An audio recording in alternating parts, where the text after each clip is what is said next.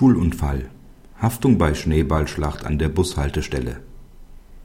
Die Verletzung eines Mitschülers durch einen Schneeball an einer circa 100 Meter von der Schule entfernten Bushaltestelle ist auch noch auf die Vor und Nachwirkungen des Schulbetriebs zurückzuführen und daher schulbezogen.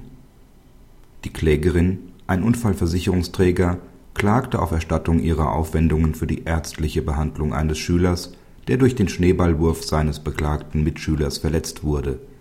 Die Klage blieb in allen Instanzen bis zum BGH ohne Erfolg.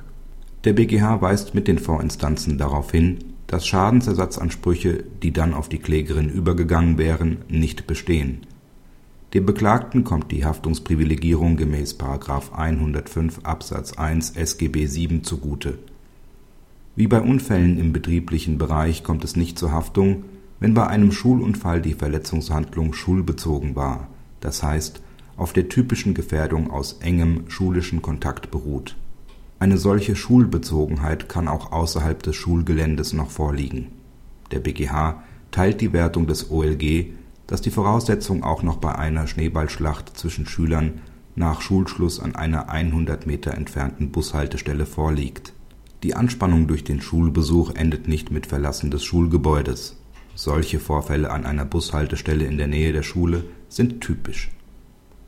Damit schieden Ersatzansprüche des Geschädigten wegen seiner Augenverletzung aus und auf die Klägerin ist gemäß § 116 SGB 10 kein Anspruch übergegangen.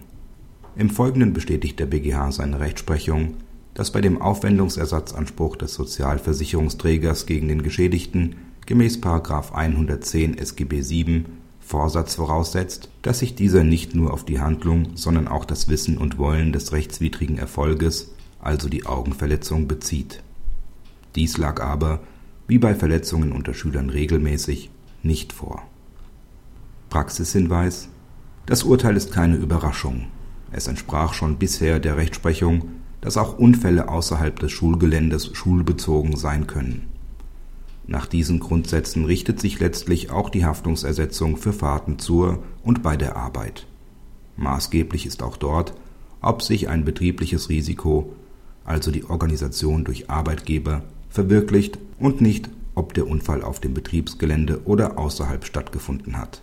Ist diese betriebliche Verbindung zu bejahen, greifen zugunsten des Schädigers, also des Fahrers, gegenüber seinem Beifahrer die Grundsätze der Haftungsersetzung gemäß den Paragraphen 104 fortfolgenden SGB 7 mit der Folge ein, dass Ansprüche wegen eines Personenschadens nicht geltend gemacht werden können.